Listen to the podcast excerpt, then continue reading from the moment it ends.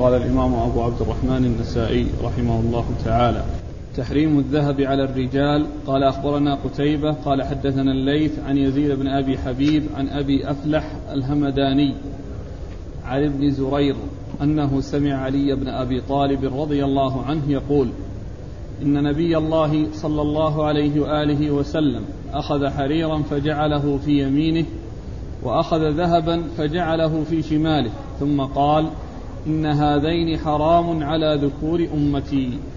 بسم الله الرحمن الرحيم. الحمد لله رب العالمين وصلى الله وسلم وبارك على عبده ورسوله نبينا محمد وعلى آله وأصحابه أجمعين أما بعد.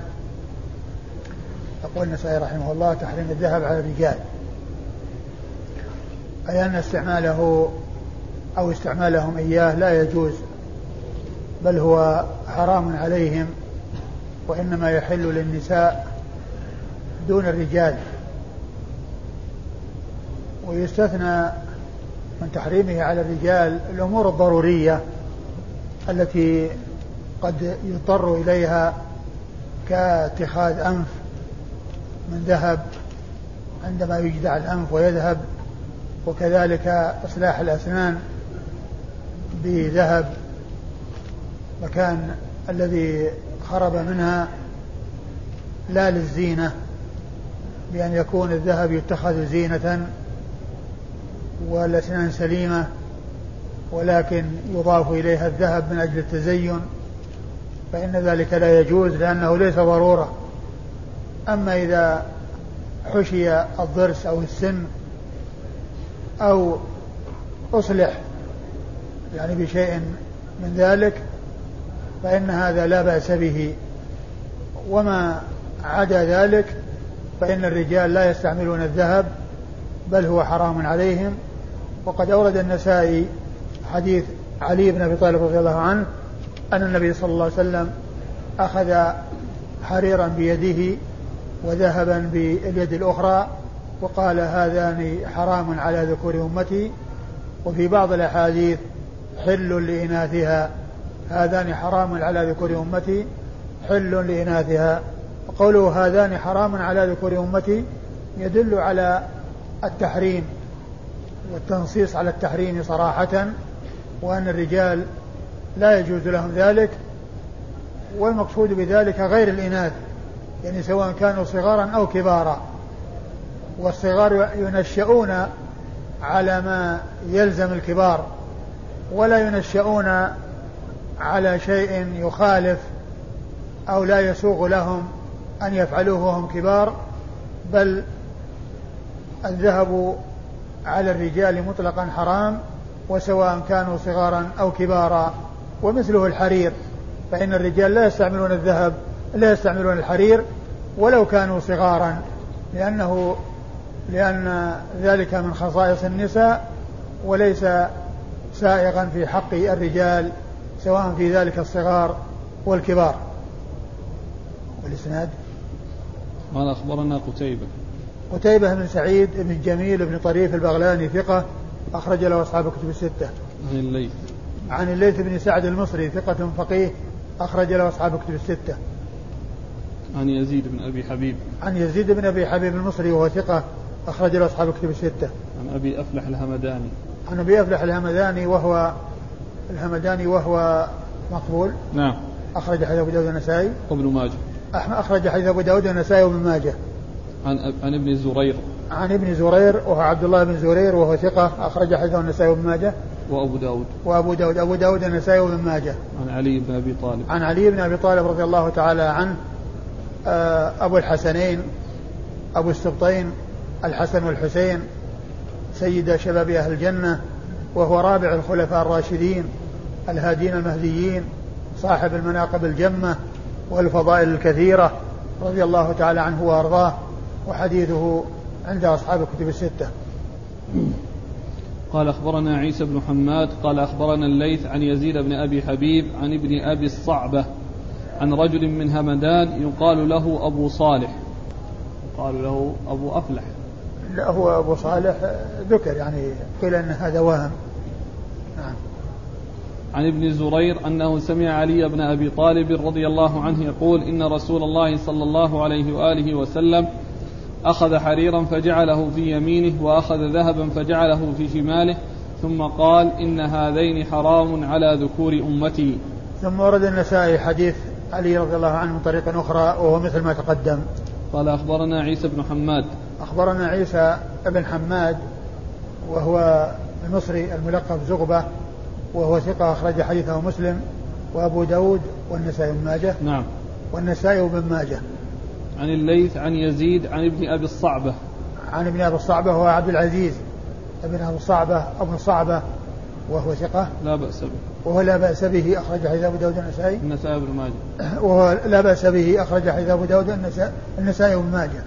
أخرج حديثه النسائي بن ماجه. عن رجل من همدان يقال له عن رجل من همدان يقال له أبو أفلح. وقد جاء في بعض الروايات أبو صالح وقيل إنها وهم وقد مر ذكره عن ابن الزرير عن علي. وقد مر ذكرهما. قال أخبرنا محمد بن حاتم قال حدثنا حبان قال أخبرنا عبد الله عن ليث بن سعد أنه قال حدثني يزيد بن أبي حبيب عن ابن أبي الصعبة عن رجل من همدان يقال له أفلح. بالفتح ولا بالسكون؟ همدان ولا همدان؟ لا هو إذا كان المقصود القرية همدان. همدان.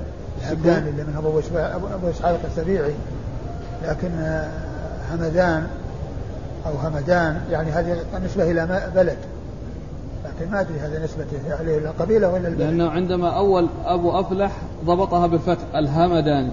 إيه؟ وهنا في الموضعين يسكن الميم يقول رجل من همدان. إيه ما أدري. لعل رجل من همدان طبعا يعني معناه القبيلة معناه أنه القبيلة إذا قيل رجل من همدان يعني القبيلة والهمدان همدان بقبيلة يعني كبيرة من اليمن وهي بسكون الميم منهم أبو إسحاق السبيعي ومنهم يعني عمرو بن مرة وعدد كبير ينسبون إلى همدان. والنسبة همداني؟ همداني نعم. يعني همداني خطأ. لا وإذا هو هذا نسبة للبلد هو بلد اللي فيه همدان. أي, أي. بس هذا ما قال رجل من همدان. يعني معناه من القبيلة. عن رجل من همدان يقال له أفلح. عن ابن زرير أنه سمع عليا رضي الله عنه يقول إن نبي الله صلى الله عليه وآله وسلم أخذ حريرا فجعله في يمينه وأخذ ذهبا فجعله في شماله. ثم قال إن هذين حرام على ذكور أمتي. ثم ورد النسائي حديث علي من طريق أخرى وهو مثل ما تقدم. قال أخبرنا محمد بن حاتم محمد بن حاتم بن نعيم المروزي وهو ثقة أخرج حديثه النسائي وحده. عن حبان. عن حبان بن موسى المروزي وهو ثقة أخرج حديثه البخاري ومسلم والترمذي والنسائي. عن عبد الله. عن عبد الله بن المبارك المروزي وهو ثقة أخرج له أصحاب الكتب الستة. عن ليث عن يزيد عن ابن أبي الصعبة عن رجل من همدان يقال له أفلح عن ابن زرير عن علي. وقد مر ذكرهم جميعا. قال أبو عبد الرحمن وحديث ابن المبارك أولى بالصواب إلا قوله أفلح فإن أبا أفلح أشبه والله تعالى أعلم نعم قال أخبرنا عمرو بن علي قال حدثنا يزيد بن هارون قال أخبرنا محمد بن إسحاق عن يزيد بن أبي حبيب عن عبد الله بن أبي الصعبة عن أبي أفلح الهمداني. الهمداني عن عبد الله بن زرير الغاف هنا؟ هنا سكون. سكون؟ لا الهمداني يعني. عن أبي أفلح الهمداني عن عبد الله بن زرير الغافقي قال سمعت عليا رضي الله عنه يقول أخذ رسول الله صلى الله عليه وآله وسلم ذهبا بيمينه وحريرا بشماله فقال هذا حرام على ذكور أمتي. ثم ورد النسائي حديث علي وهو مثل ما تقدم. قال أخبرنا عمرو بن علي. عمرو بن علي الفلاس ثقة أخرج له أصحاب الكتب الستة بل هو شيخ لأصحاب الكتب الستة. عن يزيد بن هارون. عن يزيد بن هارون الواسطي. وهو ثقة أخرج له أصحاب الكتب الستة. عن محمد بن إسحاق. محمد بن إسحاق المدني وهو صدوق يدلس. أخرج حديثه البخاري تعليقا ومسلم وأصحاب السنن. عن يزيد بن أبي حبيب عن عبد العزيز بن أبي الصعبة عن أبي أفلح عن عبد الله بن زرير عن علي. وقد مر ذكرهم جميعا. لأنه آه، مثل ما قال أولى بالصواب أو أولى. قال أخبرنا علي بن الحسين الدرهمي. قال حدثنا عبد الأعلى عن سعيد عن أيوب عن نافع عن سعيد بن أبي هند عن أبي موسى رضي الله عنه أن رسول الله صلى الله عليه وآله وسلم قال أحل الذهب والحرير لإناث أمتي وحرم على ذكورها. ثم ورد النسائي حديث أبي موسى الأشعري رضي الله عنه وفيه ذكر الحل للإناث والتحريم على الذكور. أحل الذهب والحرير لإناث أمتي وحرم على ذكورها. هذا فيه ذكر الفريقين أو ذكر الجنسين الرجال والنساء وأن الذهب والحرير حلال للنساء وحرام على الرجال. يعني وذلك في الزينة والتزين والتزين به. أما اتخاذ الذهب في غير الزينة كالشرب به فإن ذلك لا يجوز لا للرجال ولا للنساء. اتخاذ أواني لا يجوز لا للرجال ولا للنساء ولكنه يجوز للنساء في الزينة فقط. وكذلك الحرير يعني لبسه للنساء سائغ وأما اتخاذه يعني فراش وما إلى ذلك واستعماله يعني فإن هذا لا يصح ولا يستقيم بل النساء والرجال في ذلك سواء فهو مثل الأواني استعماله في غير اللباس وفي غير التجمل به آه، مثل استعماله في مثل استعمال الذهب في الأواني. كل ذلك لا يسوق وإنما استعماله في الزينة للنساء الذهب والحرير استعمالهما زينة للنساء ذلك لا بأس به. قال أخبرنا علي بن حسين الدرهمي. علي بن حسين الدرهمي وهو صدوق. نعم. أخرج حديث أبو داود النسائي نعم.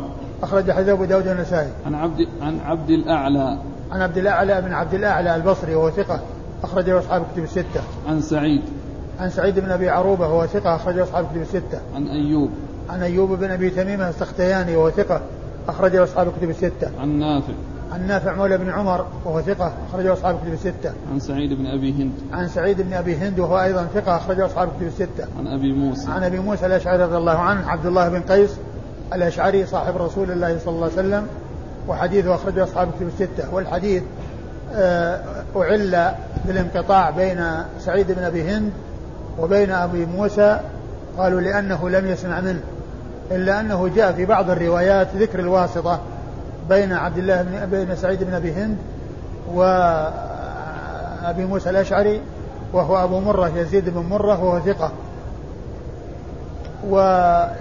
وهذا الحديث الذي فيه الارسال وقد عرفت الواسطة فيه وكذلك الحديث الذي تقدم من طرق عديدة وفيه أبو أبو آه، أبو آه، من هو؟ أبو أفلح. أبو أفلح الهمداني والذي قال عنه مقبول.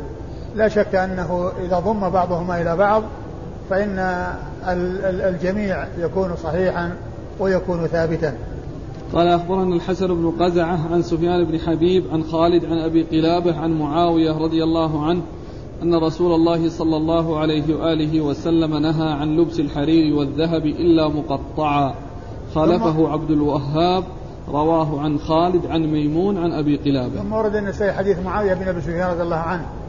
نهى رسول, الله صلى الله عليه وسلم عن الذهب إلا مقطعا. إلا مقطعا. والمقطع يعني معناه إنه يعني شيء يسير. يعني ليس يعني كبيرا. وهذا يعني مبني على وهذا بالنسبة للنساء. وأما بالنسبة للرجال فإنهم لا يجوز لهم استعمال الذهب. لا قليل ولا كثير إلا في الضرورة التي أشرت إليها آنفا فيما يتعلق بأنف أو يتعلق بسن أو ضرس. أما استعماله ولو كان يسيرا للرجال كالأزارير والأشياء اليسيرة فإن ذلك لا يجوز في حقهم. بل الذهب حرام عليهم كما جاء يعني ذلك في الأحاديث المتقدمة والمطلقة. وعلى هذا فما أبيح إنما هو في حق النساء وليس في حق الرجال. قوله مقطعا يعني أنه شيء يسير. وهذا فيه الإشارة إلى التقلل من الذهب وعدم التكثير منه. وأن الذي ينبغي هو عدم التوسع وعدم الإفراط باستعمال النساء للذهب بل تعمل على التقلل منه. نعم. قال أخبرنا الحسن بن قزعة. الحسن بن قزعة صدوق. نعم. أخرج له الترمذي الترمذي والنسائي بن ماجه. الترمذي والنسائي وابن ماجه. عن سفيان بن حبيب. عن سفيان بن حبيب وهو ثقة. أخرج حديث البخاري في الأدب المفرد وأصحاب السنة الأربعة. عن خالد. عن خالد وهو بن مهران. خالد. خالد نعم نعم. خالد بن مهران الحذاء. وهو ثقة أخرج له أصحاب كتب الستة. نعم. عن أبي قلابة. نعم. عن أبي قلابة هو عبد الله بن زيد الجرمي. وهو ثقة أخرج له أصحاب كتب الستة. عن معاوية. عن معاوية بن أبي سفيان رضي الله عنه صاحب رسول الله صلى الله عليه وسلم أمير المؤمنين. وحديثه أخرجه أصحاب كتب الستة. قال خالفه عبد الوهاب رواه عن خالد عن ميمون عن أبي قلابة. يعني آه ذكر المخالفة يعني في الإسناد الذي بعده. المخالفة الإسناد الذي مضى وبيان تلك المخالفة في الإسناد الذي بعده. قال أخبرنا محمد بن بشار قال حدثنا عبد الوهاب قال حدثنا خالد عن ميمون عن أبي قلابة عن معاوية رضي الله عنه أن رسول الله صلى الله عليه وآله وسلم نهى عن لبس الذهب إلا مقطعا وعن ركوب المياثر. ثم أورد النسائي حديث معاوية رضي الله عنه من طريق أخرى وهو مثل الذي قبله وكذلك ركوب المياثر وهي نوع من ال ال ال ال ال ال الأشياء التي يجلس عليها ويركب عليها وتوضع على الدواب يعني وهي من الحرير والديباج. يعني أن ذلك لا يجوز لأنه من قبيل لبس الحرير أو من قبيل استعمال الحرير. والرجال لا يجوز لهم أن يستعملوا الحرير لا في لباس ولا في جلوس. والنساء لهن أن تستعمل الحرير في اللباس وليس لهن أن يستعملنه في الركوب والجلوس. قال أخبرنا محمد بن بشار محمد بن بشار الملقب بن دار وهو البصري ثقة أخرج له أصحاب كتب الستة بل هو شيخ لأصحاب كتب الستة. عن عبد الوهاب. عن عبد الوهاب بن عبد المجيد الثقفي وهو ثقة أخرج له أصحاب كتب الستة. عن خالد عن ميمون. عن خالد وقد مر ذكره ميمون هو القناد وهو مقبول أخرج حديثه. أبو داود والنسائي. أبو داود والنسائي. عن أبي قلابة عن معاوية. عن أبي قلابة عن معاوية وقد مر ذكرهما. قول النسائي خالفه. عبد الوهاب. يعني يكون ذكر واسطة. لكن هل فيه طعن في الإسناد لا لا, ما لا لا أبدا. ما أكثر ما أكثر ما يأتي في هذا ولا يعتبر فيه طعن ولا قدح. لكن التعبير يا شيخ ما يشعر. لا أبدا. لو قال مثلا جاء في طريق لكن خالف. يعني خالفه من في الإسناد ولكن هذا صحيح وهذا صحيح. لأنه يمكن أن يكون يعني في مخالفة ويكون في ضعف ويمكن أن يكون في مخالفة والكل صحيح. تسمى مخالفة؟ أي نعم مخالفة في الإسناد. لأن هذا ذكر ميمون وهذا ما ذكر ميمون. هذا الفرق بينه وكله صحيح. قال أخبرنا محمد بن المثنى قال حدثنا ابن أبي عدي عن سعيد عن قتادة عن أبي شيخ أنه سمع معاوية رضي الله عنه وعنده جمع من أصحاب محمد صلى الله عليه وآله وسلم. قال أتعلمون أن نبي الله صلى الله عليه وآله وسلم نهى عن لبس الذهب إلا مقطعا؟ قالوا اللهم نعم.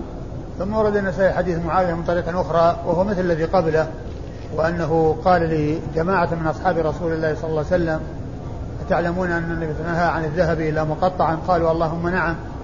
يعني أن عندهم الذي عنده وأنه بلغهم الذي بلغه. ووصل إليهم الذي وصل إليه من العلم عن رسول الله صلى الله عليه وسلم من النهي عن الذهب إلى مقطعا قال أخبرنا محمد بن المثنى محمد بن المثنى أبو موسى العنزي الزمن البصري ثقة أخرج أخرج أصحاب الكتب الستة بل هو شيخ في أصحاب الكتب الستة. عن ابن أبي عدي. عن ابن أبي عدي محمد بن إبراهيم بن أبي عدي ثقة أخرج أصحاب الكتب الستة. عن سعيد. عن سعيد بن أبي عروبة مر ذكره. عن قتادة. قتادة من دعامة السدوسي البصري ثقة أخرج له أصحاب الكتب الستة. عن أبي شيخ. عن أبي شيخ وهو الهنائي وهو ثقة وهو وهو ثقة أخرج له داود النسائي أبو داود والنسائي عن معاوية عن معاوية وقد مر ذكره قال أخبرنا أحمد بن حرب قال حدثنا أسباط عن مغيرة عن مطر عن أبي شيخ أنه قال بينما نحن مع معاوية رضي الله عنه في بعض حجاته إذ جمع رهطا من أصحاب محمد صلى الله عليه وآله وسلم فقال لهم ألستم تعلمون أن رسول الله صلى الله عليه وآله وسلم نهى عن لبس الذهب إلا مقطعا؟ قالوا اللهم نعم. خالفه يحيى بن أبي كثير على اختلاف بين أصحابه عليه. ثم ورد النسائي الحديث من طريق أخرى وهو مثل الذي قبله. قال أخبرنا أحمد بن حرب. أحمد بن حرب الموصلي وهو صدوق أخرج حديثه النسائي وحده. عن أسباط. عن أسباط بن محمد وهو ثقة أخرجه أصحاب كتب الستة. عن مغيرة. عن مغيرة بن مسلم وهو صدوق. نعم. أخرج له البخاري في المفرد والترمذي والنسائي بن ماجه. البخاري في المفرد والترمذي والنسائي بن ماجه. عن مطر. عن مطر بن طهمان الوراق وهو صدوق يخطئ كثيرا. أخرج حديثه البخاري تعليقا ومسلم وأصحاب السنة. البخاري تعليقا ومسلم وأصحاب السنة الأربعة. عن أبي شيخ عن معاوية. عن أبي شيخ وقد مر ذكره عن معاوية وقد مر ذكره. قال خالفه يحيى بن أبي كثير على اختلاف بين أصحابه عليه. نعم. قال أخبرنا محمد بن المثنى. قال حدثنا يحيى بن كثير. قال حدثنا علي بن المبارك عن يحيى. قال حدثني أبو شيخ الهنائي عن أبي حمان أن معاوية رضي الله عنه عام حج جمع نفرا من أصحاب رسول الله صلى الله عليه وآله وسلم في الكعبة فقال لهم أنشدكم الله. أنهى رسول الله صلى الله عليه وآله وسلم عن لبس الذهب؟ قالوا نعم. قال وأنا أشهد. خالفه حرب بن شداد رواه عن يحيى عن أبي شيخ عن أخيه حمان. ثم ورد النسائي الحديث من طريق أخرى وهو مثل الذي قبله إلا أنه مطلق. يعني نهى عن استعمال عن استعمال الذهب. نعم. قال أخبرنا محمد بن مثنى عن يحيى بن كثير. يحيى بن كثير هو البصري وهو ثقة أخرجه أصحاب كتب الستة. عن علي بن المبارك. عن علي بن المبارك ثقة أخرجه أصحاب كتب الستة. عن يحيى. عن يحيى بن أبي كثير اليمامي وهو ثقة أخرجه أصحاب كتب الستة. عن أبي شيخ عن, عن أبي, أبي حمان. وقد مر ذكره عن أبي حمان وهو أخوه ويقال له حمان. وقال حمان ويقال أبو حمان وهو مستور أخرج حديثه النسائي وحده. نعم. أخرج حديثه النسائي وحده. عن معاوية وقد مر ذكره. خالفه حرب بن شداد رواه عن يحيى عن أبي شيخ عن أخيه حمان.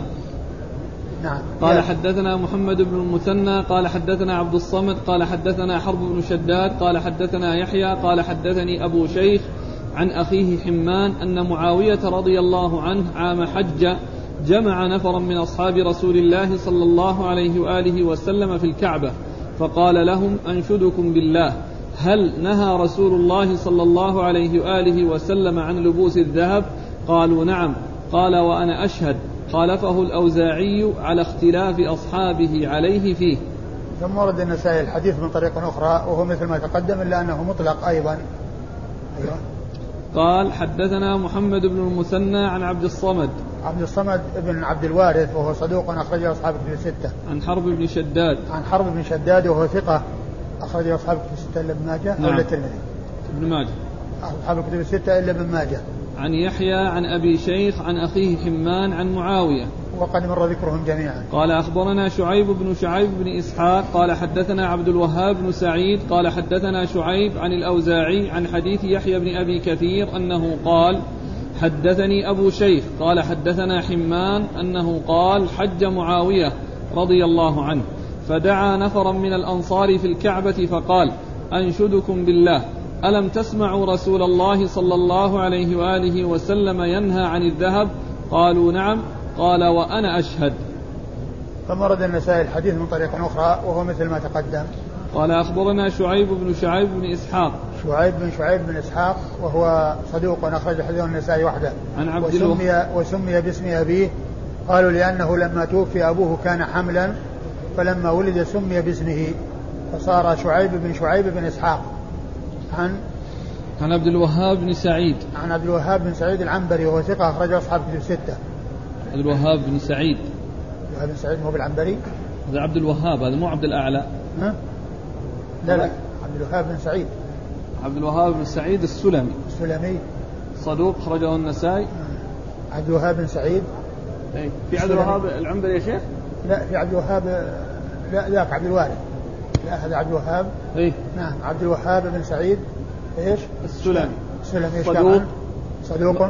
اي نعم أخرج له النسائي بن ماجه. صدوق أخرجه النسائي وابن ماجه. عن شعيب. عن شعيب بن أبي حمزة الحمصي ثقة أخرجه اصحاب كتب الستة. أحسن الله عليك هذا يروي عن الأوزاعي. وهو يروي عن الأوزاعي لأنه هذا كلهم كلهم شاميين. أو كلهم شاميين. أنا شعيب بن كتبت- أبي حمزة. أنا كتبت شعيب بن إسحاق الدمشقي. شعيب بن إسحاق؟ اي هو شعيب بن أبي حمزة كثير رواية عن عن الأوزاعي. كثير رواية عن الأوزاعي وكثير رواية عن الزهري. لكن بس ال- الذي تبادر إلى ذهني أنه هذا. أنت يعني بحثت وجدت من هذا؟ خلال من خلال التحفة. التحفة موجود؟ موجود أنا, أنا. تخريجي من خلال التحفة. العهد بها ترى قديم. إيه. يعني إذا كان أنه موجود في التحفة فكما فكما في التحفة. لكن شعيب يروي عن الأوزاعي ويروي عن الزهري. بن أبي حمزة وهو كثير رواية. من حيث الطبقة يا شيخ. أيوه. شعيب بن أبي حمزة الأموي مولاهم واسم أبيه دينار أبو بشر الحمصي ثقة عابد قال ابن معين من أثبت الناس بالزهري من السابعة. أيوه. مات سنة اثنتين وستين أو بعدها. أيوه. وهذا شعيب بن إسحاق بن عبد الرحمن الأموي, الأموي مولاهم البصري. ثم الدمشقي ثقة رمي بالإرجاء. وسماعه من, أب من ابن أبي عروبة بآخرة من كبار التاسعة. هذا متاخر أقول هذا متأخر. يعني التاسعه غالبا طبقة شيوخ شيوخ النسائي. وهذا يسمع من أبي عروبة. ها؟ أقول يعني سماع من أبي عروبة بآخره يقول؟ أي. إيه على كل ما دام من كبار التاسعه يصير متأخر. فالذي يروي عن الأوزاعي يعني هو ابن أبي حمزة. لكن الأوزاعي في أي في أي مرتبة؟ الأوزاعي؟ أي. الاوزاعي اظن في السادسة أو السابعة. طيب. أو الخامسة شوف طبقة الأوزاعي. السابعة. فما يمكن السابعة. يروي التاسعة من السابعة؟ والله يمكن إذا كان إن فيه يعني يعني يعني عمر يعني التلميذ أو عمر الشيخ يمكن. بل يمكن اللي اللي اللي اللي في العاشرة يروي عن السابعة. اللي في العاشرة. هو قتيبة بن سعيد يروي عن لأنه هذا يروي عن مالك عن عن مالك ويروي عن الليث وكلهم متقدمين. لأنه تلميذه عبد, الوهاب بن سعيد. يحتاج إلى تحقق. إذا كنت يعني يعني من تحت الأشراف اخذت هذا من تحت الأشراف فالأمر كما قلت. يتحقق من هذا. عن شعيب عن الأوزاعي. عن شعيب عن الأوزاعي هو عبد الرحمن بن عمرو الأوزاعي ثقة فقيه أخرجه أصحاب كتب الستة. عن يحيى بن أبي من قال عن حديث يحيى بن أبي كثير عن أبي شيخ عن حمان. وقد مر ذكرهم جميعا. قال أخبرنا نصير بن الفرج. أيوة. قال حدثنا عمارة بن بشر. قال عن الأوزاعي عن يحيى بن أبي كثير. قال حدثني أبو إسحاق. قال حدثني حمان. أنه قال حج معاوية رضي الله عنه فدعا نفرا من الأنصار في الكعبة فقال أنشدكم بالله.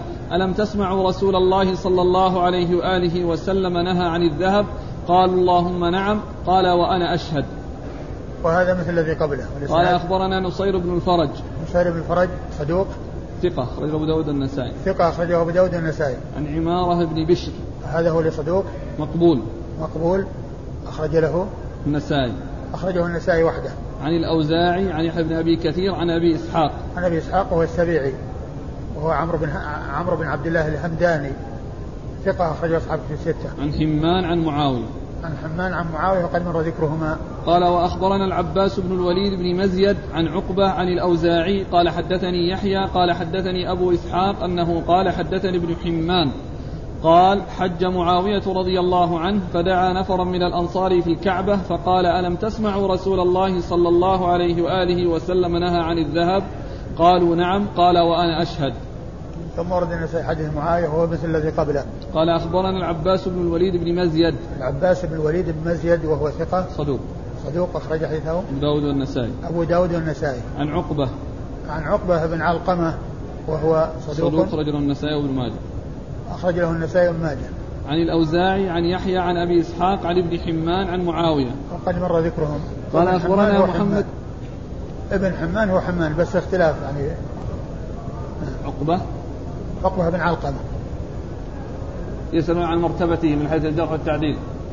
هو صدوق. نعم. نعم. قال أخبرنا محمد بن عبد الله بن عبد الرحيم البرقي قال حدثنا عبد الله بن يوسف قال حدثنا يحيى بن حمزة قال حدثنا الأوزاعي. قال حدثنا يحيى قال حدثنا حمان قال حج معاوية رضي الله عنه فدعا نفرا من الأنصار في الكعبة فقال أنشدكم بالله. ألم تسمعوا رسول الله صلى الله عليه وآله وسلم ينهى عن الذهب؟ قالوا اللهم نعم قال وأنا أشهد. قال أبو عبد الرحمن قتادة أحفظ من يحيى وحديثه أولى بالصواب. ثم ورد النسائي حديث معاوية من طريق أخرى وهو مثل ما تقدم. قال أخبرنا محمد بن عبد الله بن عبد الرحيم البرقي. محمد بن عبد الله بن عبد الرحيم البرقي أو ابن البرقي وهو ثقة. أخرج أبو داود النسائي. ثقة أخرج حديث أبو داود النسائي. عن عبد الله بن يوسف. عن عبد الله بن يوسف التنيسي وهو ثقة أخرج حديث البخاري وأبو داود والترمذي والنسائي. عن يحيى بن حمزة. عن يحيى بن حمزة وهو ثقة أخرجه أصحاب الكتب الستة. عن الأوزاعي عن يحيى عن حمان عن معاوية. وقد مر ذكرهم.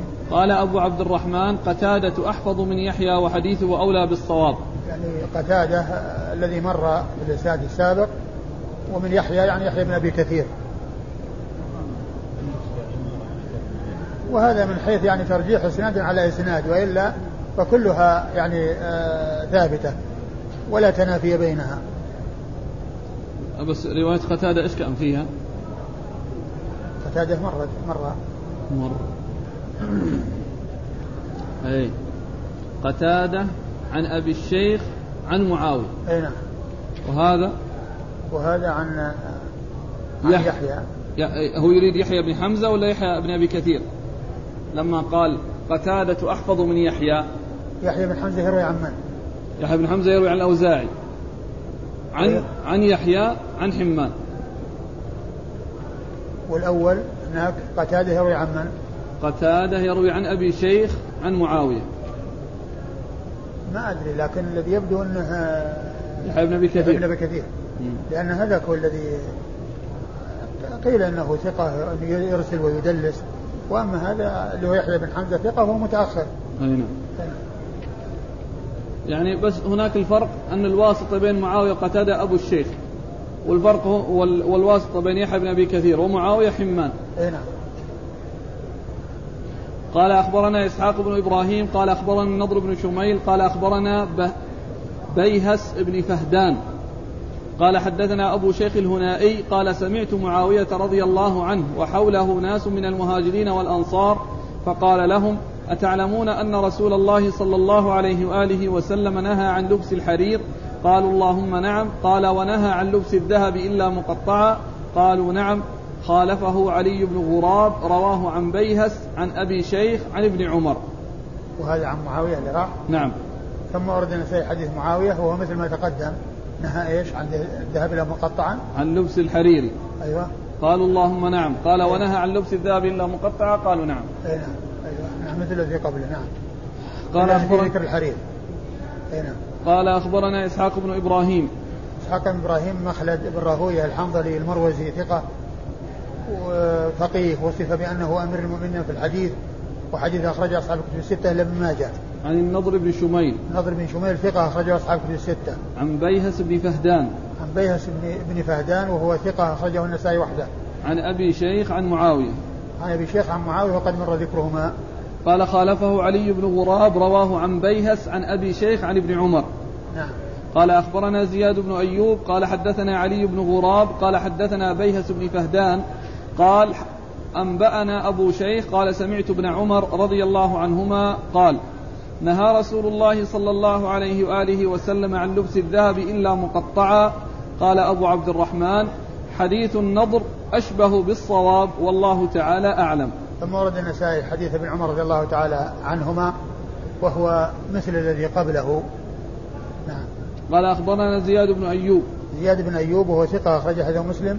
بخاري. البخاري. و- البخاري وأبو داود والترمذي والنسائي. عن علي بن غراب. عن علي بن غراب وهو ثقة أو صدوق. صدوق أخرج له النسائي بن ماجه. صدوق أخرج له النسائي بن ماجه. عن بيهس. نعم عن بيهس عن أبي شيخ عن ابن عمر. وقد مر ذكرهما وأما ابن عمر وعبد الله بن عمر بن الخطاب رضي الله تعالى عنهم عنهما أحد العباد الأربعة من أصحاب رسول الله صلى الله عليه وسلم وأحد السبعة المعروفين بكثرة الحديث عن النبي صلى الله عليه وسلم. انتهى الباب. قال نعم. حديث النظر أشبه بالصواب. حديث النظر يعني الذي تقدم. أشبه بالصواب من الحديث الذي بعده وكلها من طريق بيهس بن فهدان. لكن يعني وذاك عن علي وهذا عن ابن عمر. ذاك عن معاوية. ذاك عن معاوية وهذا عن عمر. هذا آخره. انتهى. والله تعالى أعلم وصلى الله وسلم وبارك على عبده ورسوله نبينا محمد وعلى آله وأصحابه أجمعين.